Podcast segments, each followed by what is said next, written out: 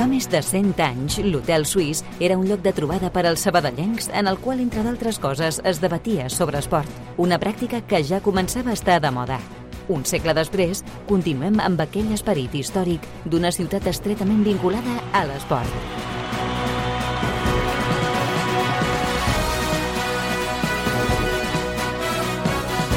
Hotel Suís, amb Pau Vituri.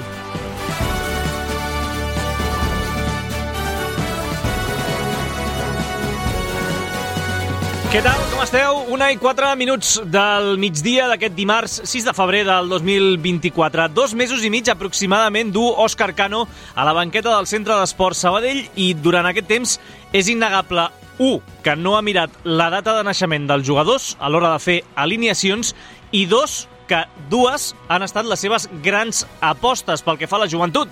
Vladis Copotun i Marc Marruecos, dos futbolistes joves, sobradament preparats i que els uneix un fil conductor, haver tastat el fang, o avui dia la gespa artificial, fins fa no gaire. Un s'ha establert com el nou de referència de l'equip, l'altre va tenir la seva primera titularitat contra el Rayo Majadahonda. Tots dos, a més, han estat a un nivell alt en les últimes setmanes. A les portes de rebre el Barça Atlètic en el segon partit consecutiu a la nova Creu Alta, tirem la vista enrere per comprovar pràcticament com un ha seguit els passos de l'altre i com ha canviat la seva situació. Allà, el Johan Cruyff, a la primera volta, Vladis es va estrenar en un 11 amb el primer equip i Marro va tenir els seus primers minuts. Insistim, és 6 de febrer, segon hotel suís de la setmana que engeguem, insistim, a la 1 i 5. Tot l'esport de la ciutat, d'una a dues a l'Hotel Suís de Ràdio Sabadell. A les vies de so, el Toni González. Què passa fora de l'hotel en un minut? Que ahir es va tancar la jornada 23 a primera divisió amb el triomf per 1-2 del Sevilla a Vallecas i amb aquesta imatge que ens va deixar un aficionat del Rayo posant el dit al cul de Lucas Ocampos, un fet que serà denunciat per la Lliga a la Fiscalia de Menors. Semifinals de la Copa del Rei, avui a les 9 del vespre, partit d'anada entre el Mallorca i la Real eh, Societat i el Barça femení tot això coneixerà en uns minuts el quadre de quarts i semifinals de la Champions, possibles rivals de les de Giraldez, el Bran noruec, el Haken suec o l'Ajax d'Amsterdam. Encara el Barça en les pròximes hores s'hauria de formalitzar la inscripció de Ricky Rubio per l'Eurolliga i primers eh, test de pretemporada de MotoGP a Malàisia amb Jorge Martín I i Marc Márquez novè amb la Ducati. I avui tindrem tot això.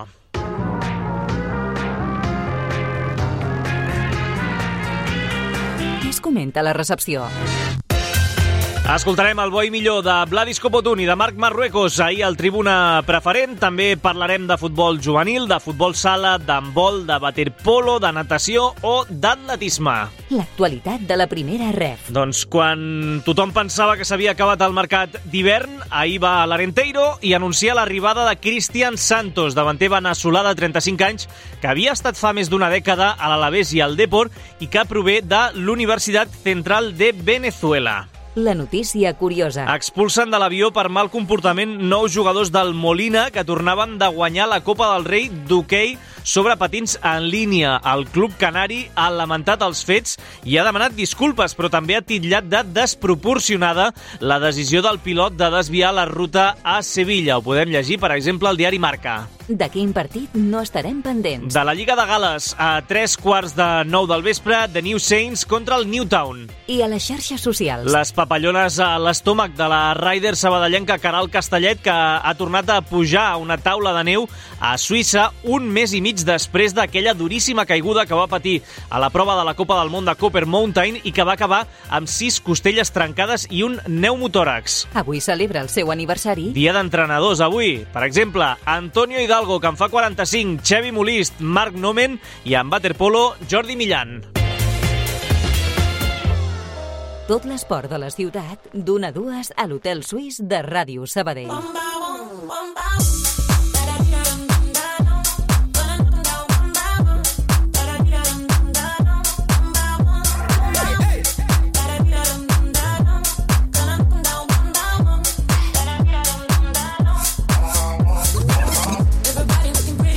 Una i vuit minuts i mig d'aquest dimarts 6 de febrer del 2024, segon hotel suís de la setmana, encara amb la ressaca del partit del diumenge contra el Rayo Majadahonda, aquest empat que malauradament encara no treu el centre d'esport Sabadell d'aquesta zona de, de descens i hores posteriors avui a un dilluns que va ser, vaja, molt carregat de, de convidats i de protagonistes aquí a Ràdio Sabadell. Vam tenir al migdia el director esportiu del Sabadell, Carlos Rosende amb l'Adriana Arroyo i al vespre eh, aquí presencialment eh, vam tenir com a convidat a Vladis Copotun però és que a més vam poder escoltar Marc Marruecos després de la seva primera titularitat amb el primer equip del Centre d'Esports Sabadell després de fer un fotimer de gols amb el filial durant la primera meitat del curs a la Lliga Elit. Sergi Garcés, què tal, com estàs? Bona tarda. Avui eh, sembla, sembla que el dia de ser una mica més tranquil. Sí, avui dia de tranquil·litat, de desconnexió, fins i tot et diria per bona part de la plantilla del Sabadell. Estem parlant, evidentment, del dia de descans setmanal que tenen els homes d'Òscar Cano i tot plegat en una jornada que, de tota manera, deixa diferents punts d'interès. Ara en destacaves alguns, però en tenim d'altres, eh? Hi ha d'altres punts d'interès o, com a mínim, que ho haurien de ser a les pròximes hores com per exemple, ja que parlàvem de joves, has parlat de, de Vladis, has parlat de, de Marro, per exemple, eh, tenim el cas de Sander Ballero, encara pendents d'aquests resultats de, de l'ecografia que se li va fer al, al jugador de les Fonts, del jugador agarenc, per acabar de conèixer Pau l'abast d'aquesta lesió de genoll. Eh, de moment, sense resultat de 100% confirmat. És el que podria fer alterar l'actualitat del Centre d'Esports Sabadell en les pròximes hores. La, la gran notícia que s'espera, aquest diagnòstic de la lesió de, de Sander Ballero, eh, no tenim tampoc pistes de, de, de quan ha de ser. No, anava a dir, pensava que deies de pistes de què és, diguem, pistes del que pot ser, sí, perquè ja hem donat moltes voltes a aquesta història, recordem, eh, en un primer moment sembla i toquem ferro i tot el que calgui perquè sigui cert que no patirà cap lesió del lligament però també sembla, malauradament, que sí que tindrà lesionat i afectat, en aquest cas, el menisc. Per tant, eh, bé, estem parlant, de, en el millor dels casos, d'unes quantes setmanes apartat de, dels terrenys de joc, però no, en quant a pistes de, de quan podríem conèixer, ja de manera 100% confirmada, l'abast d'aquesta lesió, de moment, sense més notícies que hauria de ser, evidentment, més d'hora que tard, però continuem esperant. Doncs a, a l'espera eh, de tenir notícies sobre el nou dorsal número 10 del Centre d'Esport Sabadell, de, de Sander Ballero, que estarà apartat dels terrenys de joc unes quantes setmanes amb aquesta lesió de menisc, insistim encara sense diagnòstic eh, mèdic.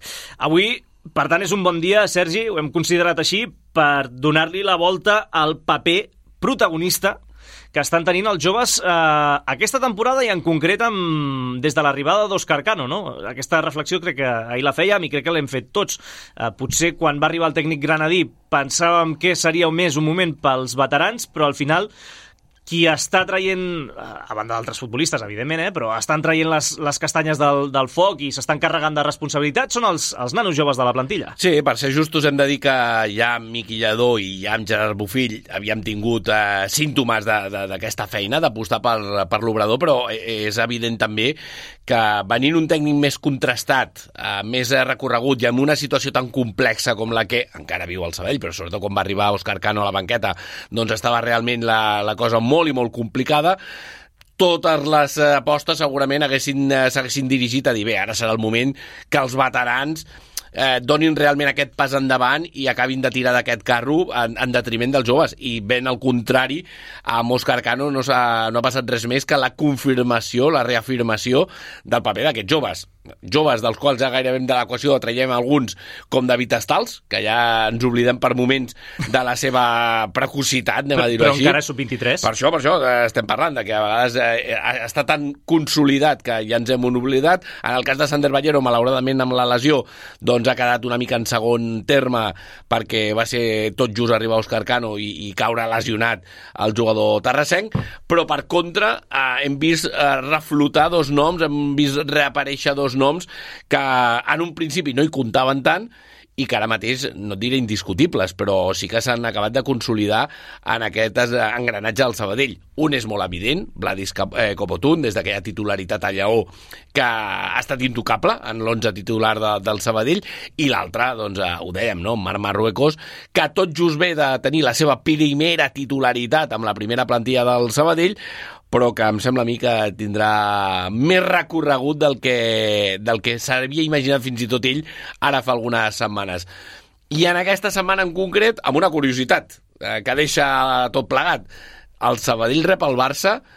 Ja sabem que els calendaris ara no són simètrics, són, asimètrics, eh, són completament eh, allò una mica aleatoris, però no deixa de ser curiós que els dos tenen una vinculació molt directa amb el Barça i no parlo de les seves aficions eh, futbolístiques, que aquí no vull entrar, però Vladis Kopotun va tenir la seva primera titularitat al Johan Cruyff, va ser la sorpresa en el partit de la primera volta, recordem aquell eh, malaurat 4-1 que va encaixar l'equip encara entrenat per Gerard Bufill. Sí, fins i tot el 3-0 que van rebre en qüestió de, de, de, de 10 minuts. De 10 minuts, estava el partit ja gairebé de Tibaneit, però bé, aquell dia va ser la sorpresa de Bufill a l'11 titular, va jugar Vladis Kopotun d'inici. I casualitats o curiositats que deixen a vegades al futbol, l'altre protagonista, Marru, va debutar aquell dia, no com a titular, però sí va debutar aquell dia eh, amb el primer equip del Sabadell. Va tenir els seus primers minuts com a arlequinat a la primera federació, precisament davant el filial del Futbol Club Barcelona. Per tant, eh, el rival d'aquest diumenge, que ja forma part, sens dubte, de, de l'històric de tots dos jugadors, de Vladis i de Marro, dels que volem parlar avui amb una mica més de deteniment. Comencem parlant de Vladis? Som-hi, som-hi. Doncs mira, comencem per l'ucraïnès perquè ho deies, eh? ho recordaves, ahir el vas tenir al tribuna preferent eh, a l'estudi, va venir, eh, va visitar els estudis de, de Ràdio Sabadell, uh, per parlar de tot una mica i, evidentment, per parlar d'aquest rol, uh, aquest moment de forma que està vivint, sens dubte, i segurament m'atreviria a dir, un dels moments més dolços de la seva carrera. Com estàvem comentant, gairebé indiscutible uh, o, o completament indiscutible en aquestes últimes jornades a les ordres d'Òscar Cano, i d'un Òscar Cano amb el qual ens vam trobar un Vladis Copotun extremadament agraït, que, que ho ha d'estar en aquest sentit, i també doncs, deixant clar que el tècnic no es casa amb ningú, no mira DNIs, no mira allò d'edats, i té clar que si alguna cosa està recollint ara és el premi a la feina feta. Li estic molt, molt agraït a Òscar, al final és una persona que, que ha confiat molt en mi, suposo, no? Al final, jo ja sempre ho deia, jo treballo molt als entrenos, entrego tot el que tinc i jo crec que és el que li agrada més a Òscar. La meva capacitat de, de, no, de no parar de lluitar, de no parar de córrer i això és el que fa que jo estigui ara jugant i bueno, aportant a l'equip al final això també és un, és un tret característic de, de Vladis que, que ha destacat el tècnic en alguna ocasió, que de fet li, li agrada molt eh, que, que l'esforç no, no es negociï eh, entre els homes de davant, tant per mirar cap endavant com cap enrere. L'hem sentit parlar també eh, a Òscar Cano en aquest sentit d'Abde de Mar, eh, reconeixent el seu sacrifici en, en defensa i de Vladis tres quarts del, del mateix. Eh, I al final bona mostra aquestes sis titularitats consecutives que du l'ucraïnès, que això, insistim, feien números i abans de l'arribada de Cano havia jugat poc més de 200 minuts i en aquestes últimes setmanes du ja 500 minuts amb, amb el Granadí com li ha canviat la vida a Vladis Copotun en, en qüestió de mesos, eh? I tant, i tant, perquè a més ahir t'ho recordava una vegada més, ens hem fet... Les caixes de les pizzas allà... Correcte, ens hem fet un far de, de, de parlar, de fet el tribuna preferent eh, li va fer aquell petit de reportatge la temporada passada, després de, de, de, del seu gol a l'estadi de la Nova Creu Alta, doncs com va haver de sortir corrents perquè havia de treballar de, de pizzer encara, repartint uh, pizzas a, era a Santa, Santa Perpètua, no? Santa Perpètua, on, sí. on treballava doncs, uh, clar, afortunadament per ell aquest any ha hagut de deixar aquesta feina, ja s'ha dedicat uh, 100% al futbol perquè la situació econòmica contractual li ha millorat i per tant ara sí que es pot sentir 100% futbolista professional, però com diem, recordant doncs, eh, ve, recordant com ha hagut de treballar fins i tot més enllà del futbol per a ser, doncs, allò que es diu un currante, eh, un currante del futbol i, i que no se li cauen els anells a l'hora de recordar que la vida té moments així de durs i que no tot és tan maco fins que no arriba la recompensa, fins que no arriba el moment de, de, de poder-ho assegurir. Al final és una època de la vida que em toca viure principalment perquè vinc del barro. A mi jo crec que ningú m'ha regalat res, jo m'ho he treballat sempre tot i quan em tocava anar a la pizzeria, doncs, perquè necessitava doncs, els diners per poder viure. Al final no, no estava amb ningú sou del primer equip ni res i doncs és el que toca. No és pas res dolent treballar ni a una pizzeria ni, ni a qualsevol altre tipus de treball que no sigui el futbol. Ara tinc l'oportunitat que em van donar l'any passat, l'estic aprofitant, però no em venen records dolents. Vaig conèixer molta gent i va ser una època, doncs, diria que, que bonica. Doncs una època maca per Vladis Kopotun. Uh, de fet, allà també treballava la seva, la seva parella i tots dos van venir junts ahir al tribuna, al tribuna preferent. Sí, ha alguna altra cara coneguda de l'esport també sí. de, de Sabadell que, que el teníem per allà repartint pizzas o treballant de, de pizzer, com diu ell, una feina com qualsevol sí, sí, altra, sí, només faltaria. Eh? David Domínguez, el, el ciclista que, que pràcticament a la vegada, que després en parlarem, eh, però a la vegada que, que Vladis Kopotun doncs, ha pogut fer realitat també el seu somni de ser ciclista ciclista professional, en aquest cas a un equip de, de Portugal. Un Vladis Copotun que ha estat clau, Sergi, en les últimes setmanes al, al Sabadell. Si li hem de posar res, una taqueta a l'expedient, és que falta el gol. Sí, no ha marcat encara aquesta temporada en partit oficial Vladis Copotun. Per contra, eh, aquelles curiositats que deixen per ser un, un nou o per ser un jugador que està actuant com a nou quan, eh, quan ha jugat d'inici, és que és el màxim assistent de, de l'equip. Pau, per contra, com diem, eh? quatre assistències ha donat, quatre assistències de gol en el que portem de temporada, però això sí, eh, conscient que el seu rol eh, quan juga és el de marca, i també deixant clar que una cosa per ell sí que compensa l'altra, eh? que, que té el gol allò entre cella i cella, que no, no, no, no vol enganyar ningú, que en cert punt fins i tot li dona voltes i voltes i voltes això del fet de marcar, però cada moment té aquesta altra funció i la dona per molt bona. tots els últims partits ara... O sigui, estic content, però perquè, com tu dius, estic aportant. O sigui, no només amb l'oportunitat que m'ha donat Òscar, que me l'ha guanyat, de jugar-hi, sinó també sentir-te una mica important dins d'aquest rol és molt important i, i donar aquests passes de gol, o sigui, somiant, per exemple, et, et faig un incís amb el gol, perquè tinc moltes ganes de ficar el gol, però també molt content per poder ajudar, sobretot, amb aquestes assistències i, i sobretot content. De fet, deia U que signava fer 15 assistències, cap gol a final de temporada i el Sabadell salvat, això ho signa tothom, i dos, que no ens preocupéssim, que ell feia la promesa que el gol arribaria perquè deia que és, que és literalment, eh? deia un tio, jo sóc un tio que tinc gol, i ho sé, i per tant arribarà aquest, aquest gol. Estem convençuts que arribarà aquest gol. Per cert, una més de, de Vladis, perquè ahir eh, va passar per aquí Vladis Copotun, també vam escoltar, i ara de seguida recuperarem algun dels moments de la conversa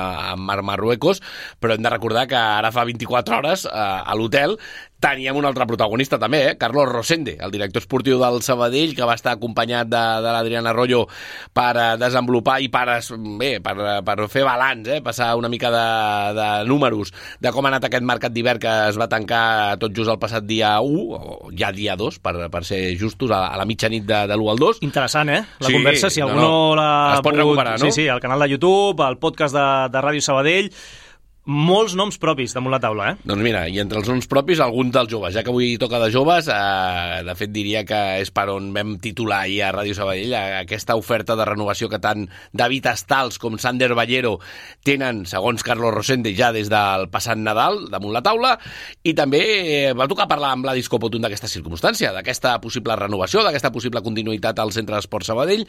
No va sortir-se massa el guió, també s'ha de dir, eh, Pau? Eh, que no està preocupat, que ara toca fer feina, que ara toca salvar l'equip i que el que s'hagi de parlar, com es diu en aquests casos, ja es parlarà quan toqui. Jo crec que més que donar-li voltes de moment és centrar-me en treballar. O sigui, Rosende fa el seu treball, ha acabat ara un mercat d'hivern molt complet, molt bon, que ha portat molt a l'equip, que ja s'ha vist els resultats també, i bueno, a, partir d'allà jo crec que més que fixar-me en el futur és seguir treballant, eh, anar millorant partit a partit i que vinguin els resultats, assolir primer de tot l'objectiu i quan arribi l'hora de seure per parlar del nostre futur ja ho farem. No em preocupa ara.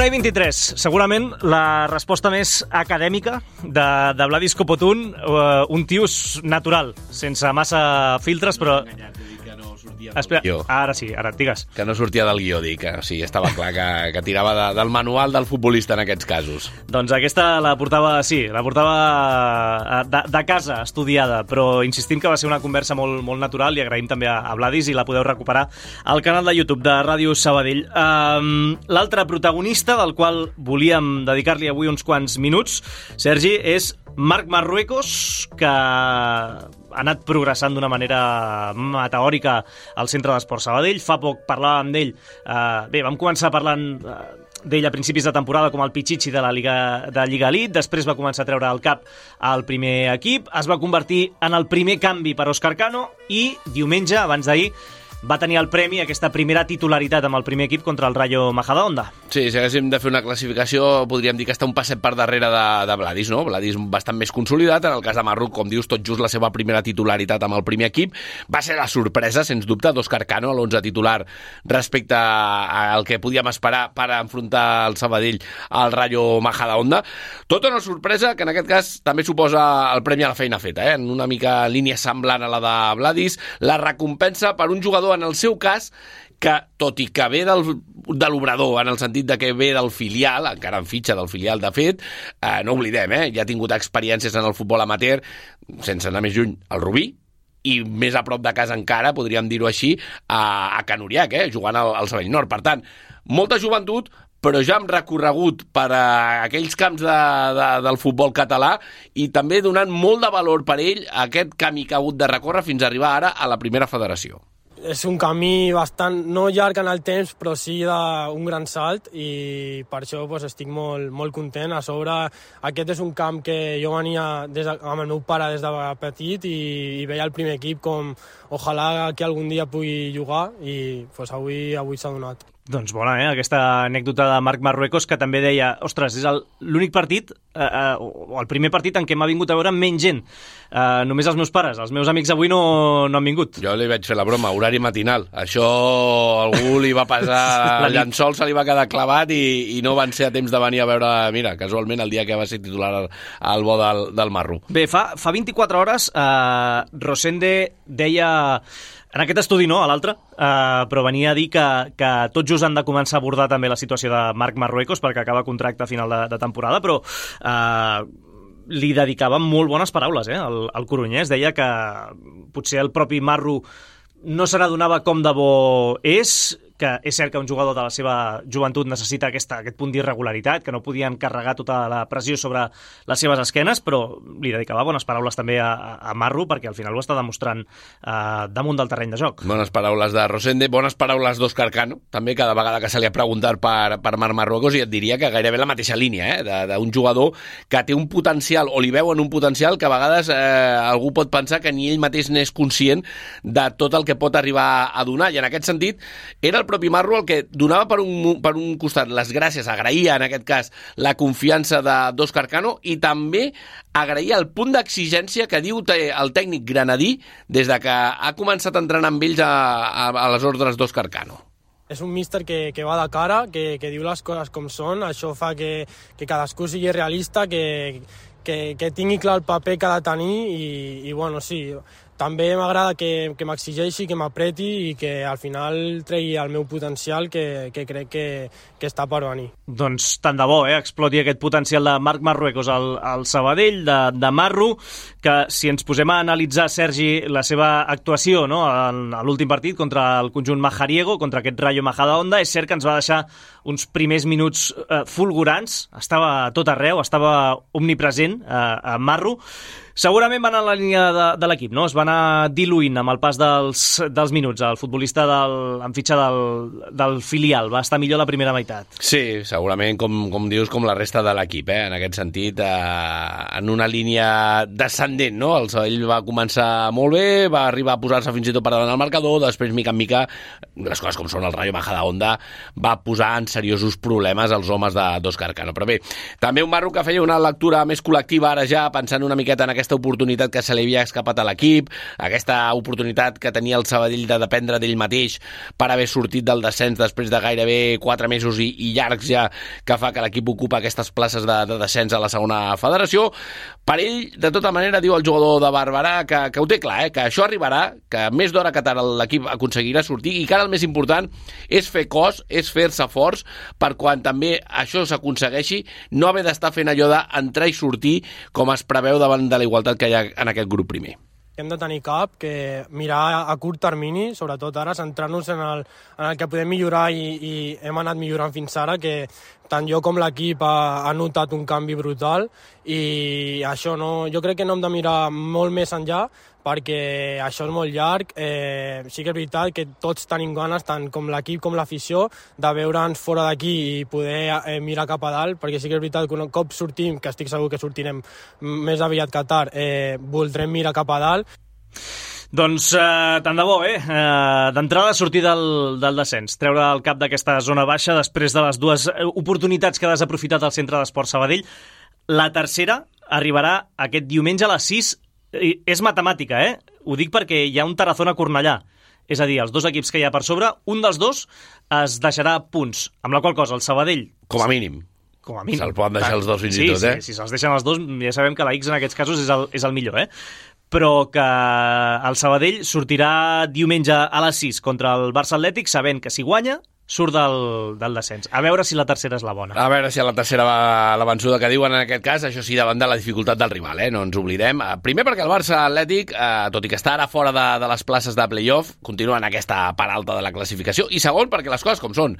No sé si és una sensació més que una dada allò facent, eh? una dada estadística demostrable, però un Barça Atlètic que sembla que es creix, eh, per molt que canvien els jugadors, per molt que passin les generacions, eh, aquesta gent jove del filial barcelonista sembla que es creix cada cop que venen al, al temple i volen donar la seva millor versió. Una complicació, insistim, tot i la joventut, que també té clar Marc Marruecos a l'hora de parlar que bé, si Xavi Hernández ha de convocar uns quants jugadors de la primera plantilla, tampoc li farem un lleig. Sempre el Barça Atlètic és, és un equipàs. Eh, sí que és veritat que sovint li treuen jugadors de, per la primera plantilla i això ho noten, perquè a nivell de qualitat pues, no és el mateix que, que s'emportin a 5-6 al primer equip, que estiguin tots, però bueno, nosaltres a plantejar el partit de la millor manera, a centrar-nos en nosaltres, el que podem controlar, i a fer-nos forts aquí a la nova Creu Alta, perquè estic segur que, que la línia ascendent que portem jo crec que ja podem competir, i encara, o sigui, ara, ara ja podem competir a qualsevol, però eh, dintre de, res jo diria que podem guanyar a qualsevol equip. Doncs tant de bo arribi aquesta victòria contra el Barça Atlètic seria el sisè partit consecutiu eh, sumant en aquest 2024 i la quarta victòria en aquests sis partits. Per cert, Sergi, si vols entrar ara mateix al, al compte de la primera federació, a, a X, eh, candidats a millor gol de la jornada 22. El primer d'ells, Abde Damar, molt és un bon, dels... Un molt bon gol.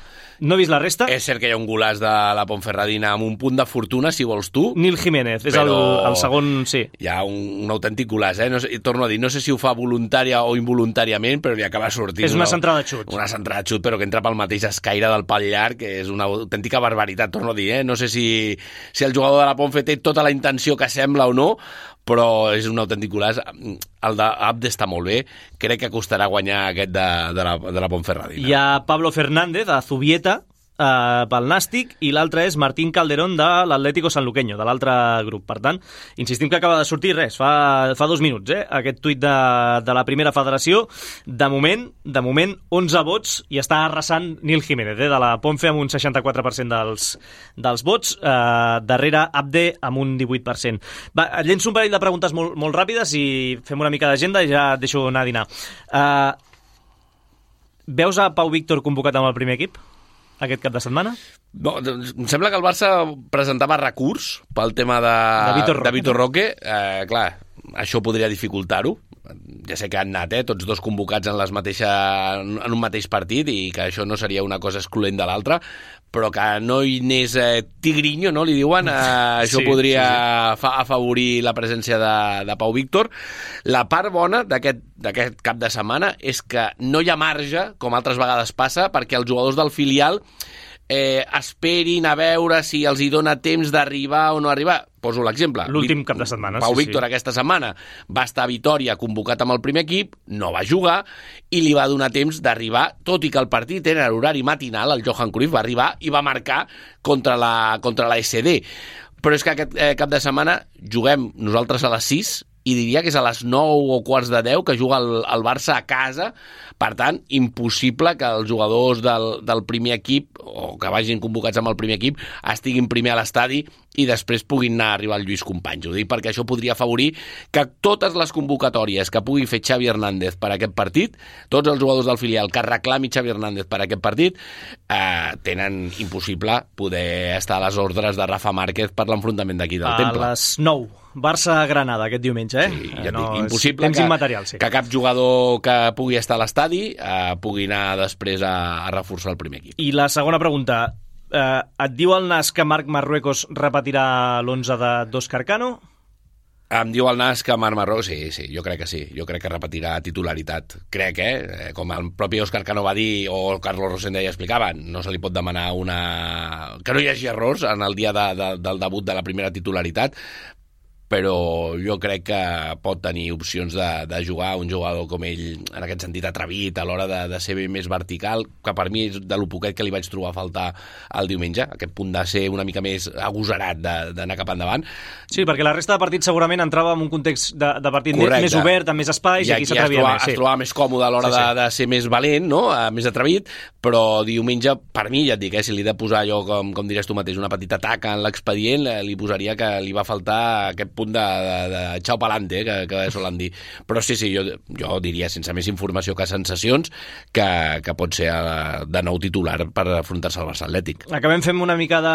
Sí. fent una mica d'agenda o què? Demà tornada a la feina. Està tapaïda, eh, l'agenda, per cert. Sí, sí, sí, bé, com a les veig. pròximes hores ho seran. Eh? Demà entrenament a Sant Oleguer en el dia de tornar a la feina per començar a preparar la cita de, de diumenge. Tindrem roda de premsa del capità. Adrián Hortola demà parlarà pels mitjans. Ho seguirem, si no passa res estrany, aquí en directe a l'hotel. I dijous tenim triple presentació tots a la mateixa hora, eh? això sí, però triple presentació de les tres últimes cares noves que ha tingut el Sabadell en aquest mercat d'hivern, Jordi Calavera, Jesús Fernández, l'únic que no ha debutat, de fet, Sí. i Sergi Maestre. Per tant, tots tres dijous algun d'ells el podrem escoltar fins i tot en directe a l'hotel. Tots tres, presentació oficial com a jugadors del Sabadell, ja diem, eh? en el cas de Cala i en el cas de Maestre, ja els hem vist fins i tot jugar de, de, de curt, però ara vindrà aquesta presentació prèvia al partit del cap de setmana. Insistim, tornem a l'horari de tarda, diumenge 6 de la tarda, Pau Vituri, des de mitja hora abans, a la sintonia de Ràdio Sabadell. Com a mínim, eh, com a mínim no han marcat.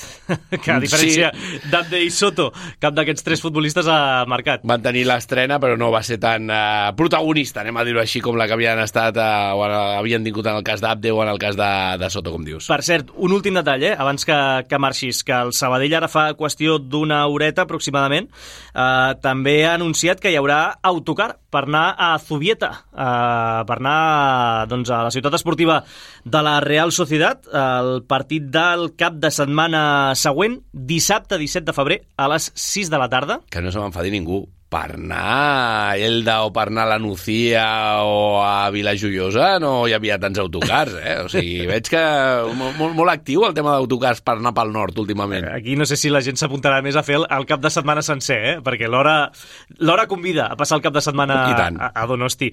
En qualsevol cas, si algú s'està pensant, eh, autocar més entrada 70 euros, preu alt, Uh, al final l'autocar és el que és el que té. L'entrada uh, a part val 12 euros uh, per qui només vulgui doncs, específicament aquesta entrada. Sortida del bus a les 6 del matí des de Sabadell. la, la, la part desagradable del viatge tal com està planificat, i no vull posar aigua al vi, eh, per aquells que estiguin animats, és que Zubieta està apartat de Donosti, és una població, o la ciutat esportiva està fora de, del que és eh, la, la ciutat, i si arribes directe, doncs home, turisme poc. Partit i, i poca cosa més. Les entrades a tot això eh, disponibles a partir de dilluns de la setmana que ve i eh, venda anticipada única i exclusivament a les oficines de la nova Creu Alta. Per tant, quedeu també informats en aquest sentit eh, d'aquest desplaçament que, que organitza el Centre d'Esport Sabadell conjuntament també amb les penyes del, del club, eh, aquests desplaçaments que es coorganitzen. Gràcies, Sergi, no ens deixem res, no? No, tot ja solucionat ja. Doncs demà Adrià Hortolà, aquí a l'Hotel Suís, fem una aturada per la publicitat i a la tornada parlem de, dels juvenils del Centre d'Esport Sabadell i també del, del mercantil.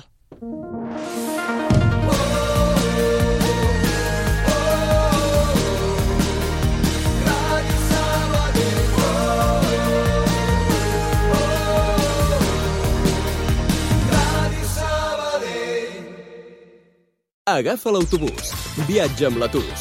Trajectes més ràpids i directes, més connexions entre barris, nous horaris per afavorir l'intercanvi entre línies. Estalvia temps. Estalvia diners. Agafa l'autobús. TUS, Transports Urbans de Sabadell. Vols estar al dia del que passa a Sabadell? Notícies migdia. Núria Garcia. Política, Nosaltres no estem parlant de quart cinturó, ho hem dit sempre, és una infraestructura absolutament assumible. societat, Se ha procedido a la detención de siete personas de nacionalidad china como presuntos responsables de las casas prostíbulos. cultura, Voldria animar-vos a continuar cultivant, cultivant l'art i el plaer d'escriure i de fer-ho en la nostra llengua. medi ambient, Encara estem en situació de sequera i, per tant, des de l'Ajuntament continuem aplicant les restriccions d'aigua al municipi davant d'aquesta situació. i fora de Sabadell, pactando una duración concreta de la legislatura, dos años, y pactando también el método de trabajo que debe de guiar la legislatura. Notícies migdia. Tot el que necessites saber.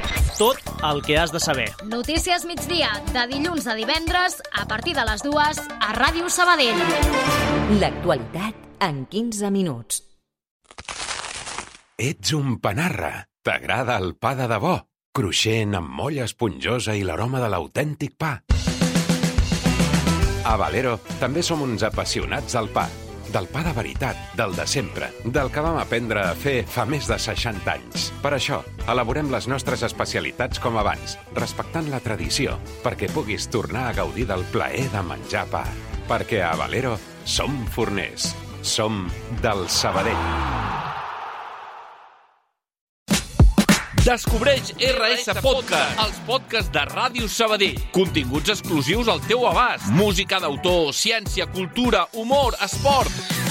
Allò que més t'agrada a un sol clic. Entra al web radiosabadell.fm i prepara't per gaudir dels nostres continguts d'una manera diferent.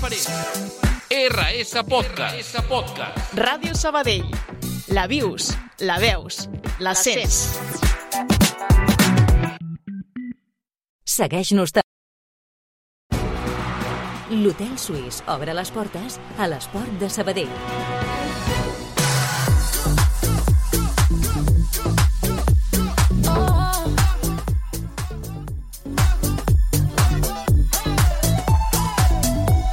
Som-hi, estem de tornada aquí a l'Hotel Suís, ens queden 20 minutets de programa, parlem ara de futbol formatiu perquè a la divisió d'honor els juvenils sabadellencs han saldat amb un meritori empat els seus respectius partits contra el Badalona i el Mallorca, dos equips de la zona alta.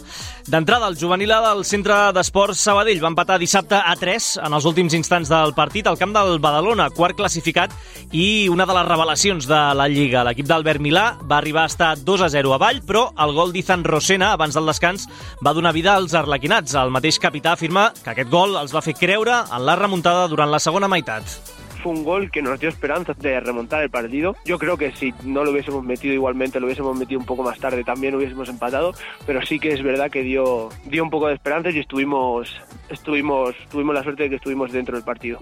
I quan eh, tot feia pensar que els escapulats s'endurien els eh, 3 punts, els deixarien a casa, Alia Camarà, el màxim golejador dels eh, sabadellencs, va marcar en el minut 90 aquest definitiu 3 a 3. El davanter de Camputjaner suma ja 10 gols aquesta temporada, 9 amb el juvenil i un amb el filial. El mateix Rosena es mostra molt satisfet amb aquest punt aconseguit contra un rival de la part alta.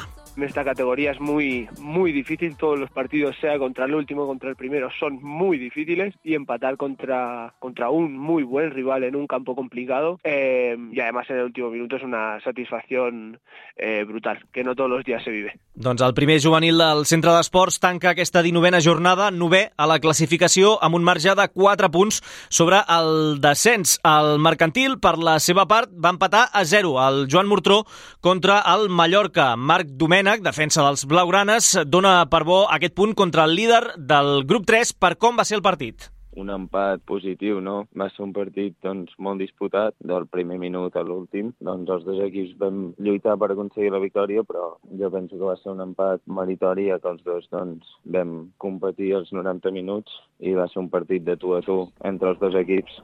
L'equip dirigit per Carlos López està immers en una molt bona ratxa de resultats, a més en aquest turmalet que els està portant a viure en la zona mitjana-alta de la classificació en la temporada del retorn a la màxima categoria juvenil. Domènec espera poder competir igual de bé fins al final de la temporada i allargar aquesta bona dinàmica al màxim de temps possible. En aquests últims partits, doncs, estem competint molt bé contra tots els nostres rivals i com bé dius, doncs, de les últimes vuit jornades només hem tingut una derrota, que va ser el camp del Barça, un camp difícil, òbviament, i bueno, estem competint molt bé. Ara estem en una bona dinàmica i esperem que continuï així fins a final de temporada. El pròxim cap de setmana tancaran el seu turmalet contra l'Espanyol. Per la seva part, el Sabadell rebrà Olímpia el Huesca. A tot això a la taula, els graciencs són setens, 4 punts per sobre del mateix Sabadell i a 3 de la DAM, que és el sisè. I un grau per sota, la Lliga Nacional, el juvenil B del Centre d'Esports va perdre 2 a 0 a domicili contra un rival directe en la lluita per la permanència al grup 7, com és el Cornellà. Amb aquesta desfeta lluny d'Olímpia ja són 7 derrotes en 9 desplaçaments i el tècnic Isaac Marcos ho fixa com un aspecte a millorar. Fuera de casa es una asignatura que tenemos pendiente. Sí que es verdad que la, las dos victorias han sido contra dos rivales directos, como son Español y Figueras. Sí que es verdad que tenemos que buscar la manera de ser un poquito más sólidos, sobre todo fuera de Olimpia, pero como te digo, no, es algo que vamos a seguir buscando, vamos a seguir trabajando en ello y, y pero no nos quita no nos quita el sueño. L'equip dirigit per Isaac Marcos acumula quatre derrotes en les eh, darreres sis jornades i és també com el juvenil A novè a quatre punts de la zona de descens a preferent. Escolta el programa quan tu vulguis al podcast de l'Hotel Suís.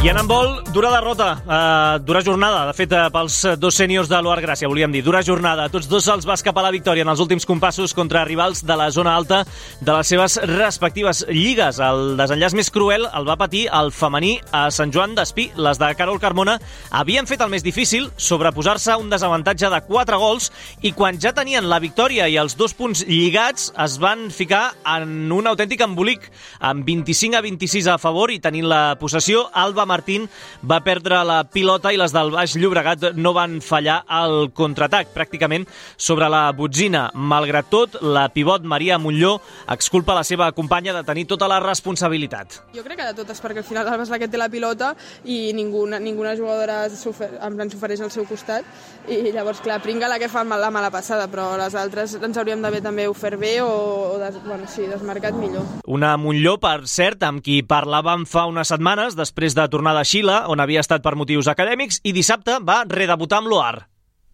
La veritat és que no m'esperava jugar, per això, això que et deia, estava, estic tocada del, del genoll, però mira, al final la Carol al minut 12 o així m'ha dit que escalfés i en defensa sí que m'he sentit còmoda, una mica lenta, però, però bueno, molt contenta, sobretot és molt important agafar una mica de, de, de rodatge i també en tema de tirs a, a, a porteria i tot, i, i físic. Amb aquest eh, empat, eh, l'Oar femení es queda a dos punts del segon lloc de la divisió d'honor plata, que marca precisament el Sant Joan d'Espí, però encara amb aquell partit pendent de recuperar contra el Mataró. En canvi, el masculí ja té les fases eh, d'ascens, la zona de fases d'ascens a 4 punts, després de perdre el derbi a Sant Quirze per la mínima, 31 a 30. Durant molts minuts, els de Pere Iats van manar en el marcador, però els quirzetencs van estar molt més afinats en el tram final. La decepció en veu del jugador verd i blanc, Pol Torres. El derbi sempre és un partit que ens fa il·lusió guanyar, competir perquè sabem que sempre són durs Però bueno, ens feia especial il·lusió guanyar avui, que és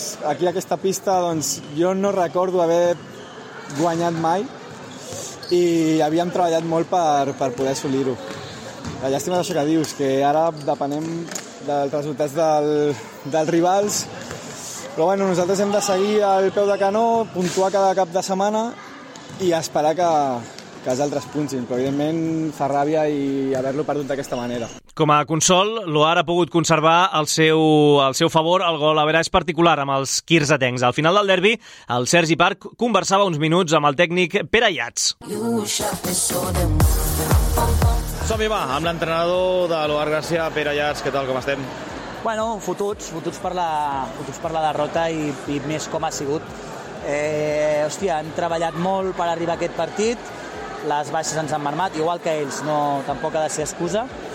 I bueno, és una pena perdre com perdem d'un gol, eh, és una pena que tots els procediments tàctics surtin i és una pena que després a nivell defensiu pues, per desgast físic de no tenir canvis i després per una porteria que, que avui ha estat una mica marmada quan necessitàvem que estigués bé doncs ens ha dificultat que, que poguéssim guanyar el partit. Ha estat una llàstima també, a més, Pere, perquè és cert que tot el partit han sigut avantatges curtíssims pels dos equips, durant molts minuts partit igualat, però sí que és veritat que a la segona meitat la sensació era que l'Oar anava manant, que si hi havia algun equip que es podia escapar al marcador éreu vosaltres, i al final no sé què creus que ha passat això en els últims compassos perquè hagi sigut el Sant Quirze qui s'ha jo, victòria. Jo et comento, jo penso que a nivell defensiu ens ha costat més per un tema físic, Eh, Sant Quirze s'ha pogut llegir molt bé les situacions d'1 contra 1 sobre el tercer, ens han anat a matar el Jaume i l'Ernest i filtrar el pivot entre 2 i 3 és un parell de decisions arbitrals una mica discutibles que ens treuen aquestes, doble, aquestes dues explosions separades que ens van jugar quasi 5 minu 4 minuts amb un jugador menys. I al final pues, el que et comentava, una porteria que, que podria haver aportat més. Eh, tampoc els vull castigar perquè penso que estan treballant bé i, i altres jornades pues, han sigut molt partíceps de les victòries però avui penso que, que ens ha faltat aquest puntet de porteria i de, de rigorositat defensiva. Però bueno, jo penso i crec que els hi he de dir, em sento orgullós. No hem perdut la cara al partit, hem estat allà tot el partit tot i, com t'he comentat, amb les baixes que teníem i amb incorporacions jugadors del B, júniors de primer i segon any, per tant hem de seguir amb, amb això i amb aquesta dinàmica. També caldrà veure quines conseqüències deixa. Crec que no hi ha hagut cap lesió així. És veritat que el Pol Torres ha trigat a entrar a la segona, a la segona meitat. Ho dic sobretot també per, per tots els contactes que hi ha hagut durant el partit. Físicament ha estat duríssim el partit. Correcte, ha sigut un partit molt dur. Ells a la segona part han apretat corrents. El Rudi ha treballat molt bé al principi de la segona part pues, treure més aquesta segona unitat i a partir del tram final treure la primera unitat i córrer, cosa que nosaltres hem volgut aguantar més els jugadors principals i això també ens ha generat aquesta, aquesta fatiga final. Eh, coses positives, al final el gol a veratge el tenim a favor a nivell particular amb Sant Quirze, això també ho hem de valorar, al cap i a la fi queden moltes jornades, poden perdre qualsevol partit i nosaltres hem d'estar atents a això.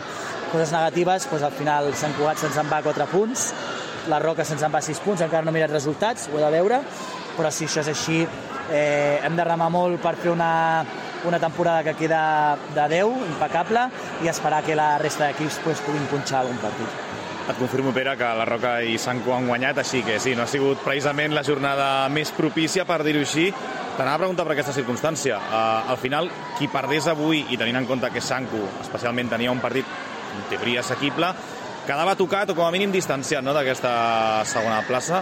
Um, es compliquen molt les opcions, creus que al final queda molt, perquè també teniu aquest averaix, com deies, particular guanyat amb el Sant Quirze. No sé fins a quin punt creus que aquestes opcions queden tocades o realment queda moltíssim com per dir que han quedat molt, molt minvades aquestes possibilitats? Aviam, seria incongruent dir que, que no passa res i que seguim i arrastrar el que queda de temporada. És incongruent, vull dir, sabíem que el partit d'avui ens marmava molt amb la distància del primer i segon, ho sabem, però no toca un altre que disfrutar el que queda de temporada, intentar treballar partit a partit i esperar que, que puguin punxar en algun moment, perquè si no la temporada es farà molt llarga. Llavors, eh, serà difícil, sí, ho sabem, eh, però hem de lluitar per estar allà tot el que ens queda de temporada i a veure si arribem. Pere, recuperar-se d'aquesta derrota fa mal perdre un derbi, però l'objectiu segueix intacte, encara que s'hagi allunyat una miqueta aquest cap de setmana. Gràcies, Pere. Gràcies. Twitter, Instagram, Facebook, Telegram, YouTube, Twitch... Segueix Ràdio Sabadell a les xarxes socials. 8 minuts eh, per arribar a les dues i a la segona B masculina de futbol sala ja s'ha produït el sorpasso de l'Escola Pia al Club Natació Sabadell a la classificació. Els nedadors, amb la derrota 3 a 2 a Canet de Mar, encadenen ja set de consecutives, mentre que els escolapis no van fallar en la seva visita al cué de la Lliga, el Calvià imposant-se per 3 a 6. I la pregunta que ens fèiem avui a la redacció, eh, quan feia que la Pia no estava per davant del club a la taula? Doncs ens ho revela amb aquesta crònica la nostra estudiant en pràctiques, l'Anna Clarà. El Natació Sabadell continua en caiguda lliure després d'encadenar la setena derrota seguida a Canet. Els de Pau Machado, això sí, van estar a prop de trencar la preocupant dinàmica de resultats, però els maresmencs van remuntar en el tram final.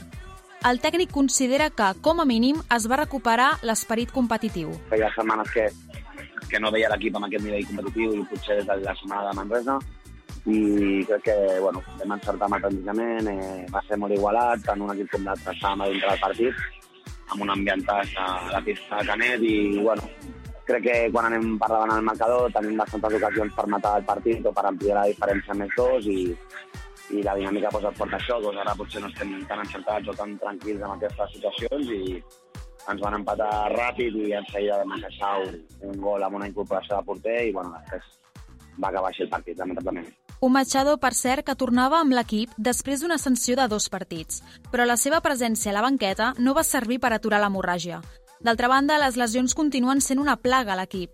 A la llista de baixes s'hi va afegir Àlex Llames i justament per com de plena està l'infermeria, el club ha fitxat en els últims dies Adri Caro, qui ja va debutar com a titular a Canet. És un jugador que jo vaig tenir a la base d'Indústria Santa Coloma, eh, actualment estava jugant a categories baixes de sènior, però en seguida que li vaig proposar doncs, la il·lusió que té ell de, d'incorporar-se i com ha vingut físicament com un toro i la veritat que ens va portar moltíssim dissabte i espero molt d'ell, la veritat. Eh, molt content per, per que ha apostat per nosaltres i li agraeixo moltíssim ja que no, no és fàcil no? incorporar en de temporada amb un salt de categoria tan alt i bueno, el rendiment que ens està donant immediat. Si dèiem que el club està patint amb les lesions, a la Pia han recuperat Marc Navarro després d'estar-se gairebé tot el curs fora de combat. Al final porto gairebé una volta sencera de baixa perquè va ser contra, contra Mallorca aquí a casa.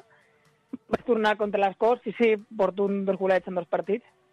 Bé, la veritat és que tenia moltes ganes de tornar i de poder ajudar a l'equip, però bueno, crec que teníem que tornar amb, amb calma i paciència per recuperar bé el genoll, que sempre és complicat. Navarro va ser un dels golejadors en el triomf a la pista d'un Calvià que, tot i no tenir cap punt a la classificació, va donar guerra. La victòria, però, va ser per als de Pedro Donoso, que amb un 9 de 12 en aquest 2024 s'han col·locat per davant del club. Feia, atenció, gairebé un any i mig, des de la jornada 3 de la temporada passada, que els escolapis no veien l'atent rival pel retrovisor. Navarro es mostra sorprès per l'actual situació del Natació Sabadell. Al final és inevitable no? que, que es comentin alguns companys més que altres, no? però sí, sí que es van, sí que s'han comentat. Al final jo el que, el que més es comenta és ja no tant la rivalitat que pot haver-hi entre els clubs, és més que és, és estrany no? que un equip com Catlep Club, que jo crec que té molt bon equip, aquest any també, igual que l'anterior, i té un molt bon entrenador, i és a dir que porti tantes derrotes consecutives és molt estrany. O sigui, ningú s'ho esperava. Però, bueno, de fet, tothom el ficava en postos de playoff i és molt estrany i no sabem el per què. En qüestió d'unes setmanes, el club ha passat del tercer a l'onzè lloc, ara amb dos punts menys que la Pia, que és novena. Amb dos equips estan a mitja taula, lluny de dalt i de baix. Doncs déu nhi aquesta dada, eh? des de l'octubre del 22, que la Pia no estava per davant de la classificació eh, respecte del Club Natació Sabadell. Repassem més informacions i ja que estem en futbol sala, la sabadellenca Ana Escribano es va proclamar subcampiona aquest cap, eh, passat cap de setmana de la Supercopa d'Espanya. El seu equip, el Pollo Pescamar, va caure 0 a 1 a la final contra un altre conjunt gallec com és el Burela, campió de les últimes 5 edicions. Escribano, que recordem va ser escollida al desembre com la millor jugadora catalana de futbol sala de la temporada passada, no va poder disputar cap minut en aquesta final perquè s'està recuperant des del juliol d'una operació de genoll. Al Mundial de Doha, recordem que avui la selecció espanyola femenina de waterpolo es juga a acabar primera de grup i passar directament als quarts de final. A les 5 es veuen les cares amb Grècia, l'altra selecció eh, que va guanyar la jornada inaugural, en aquest cas contra França. Espanya va golejar la Xina, recordem.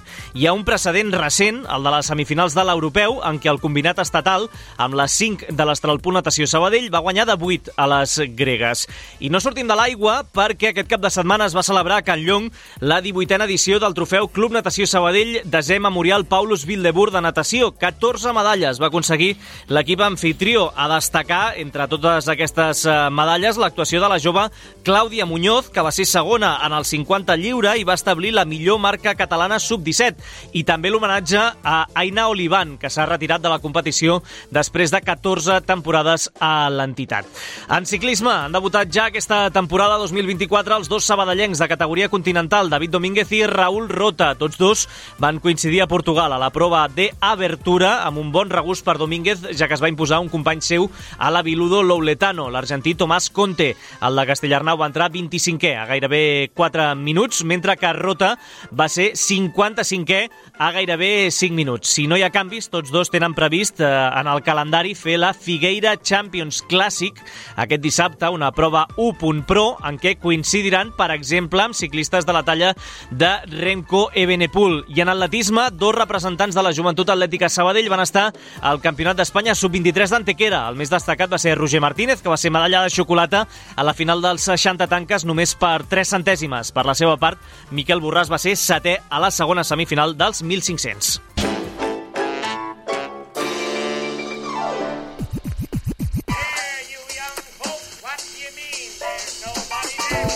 Encara uns segons eh, per repassar el menú de demà aquí a l'Hotel Suís, amb l'Adriana Arroyo al capdavant. Tindrem la roda de premsa d'Adrián Hortolà, el porter i capità del Centre d'Esports Sabadell. També estarem pendents de la prèvia de l'Espanya-Croàcia masculí de Waterpolo, la reedició de la final de, de l'Europeu, i també pendents del futbol sala Sabadell femení, que juga Copa Catalunya contra el seu principal rival a la Lliga, que no és altre que les Glòries.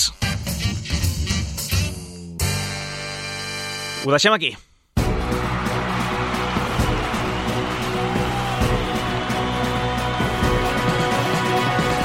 40 segons per les dues. Entra Núria Garcia a l'estudi per fer el Notícies migdia. Abans de res, abraçada del Toni González, que ha estat a les vies de so i del Departament d'Esports en bloc de Ràdio Sabadell, també amb els seus estudiants en pràctiques, l'Ivan Lechuga i l'Anna Clara. Que passeu bon dimarts. Adéu-siau.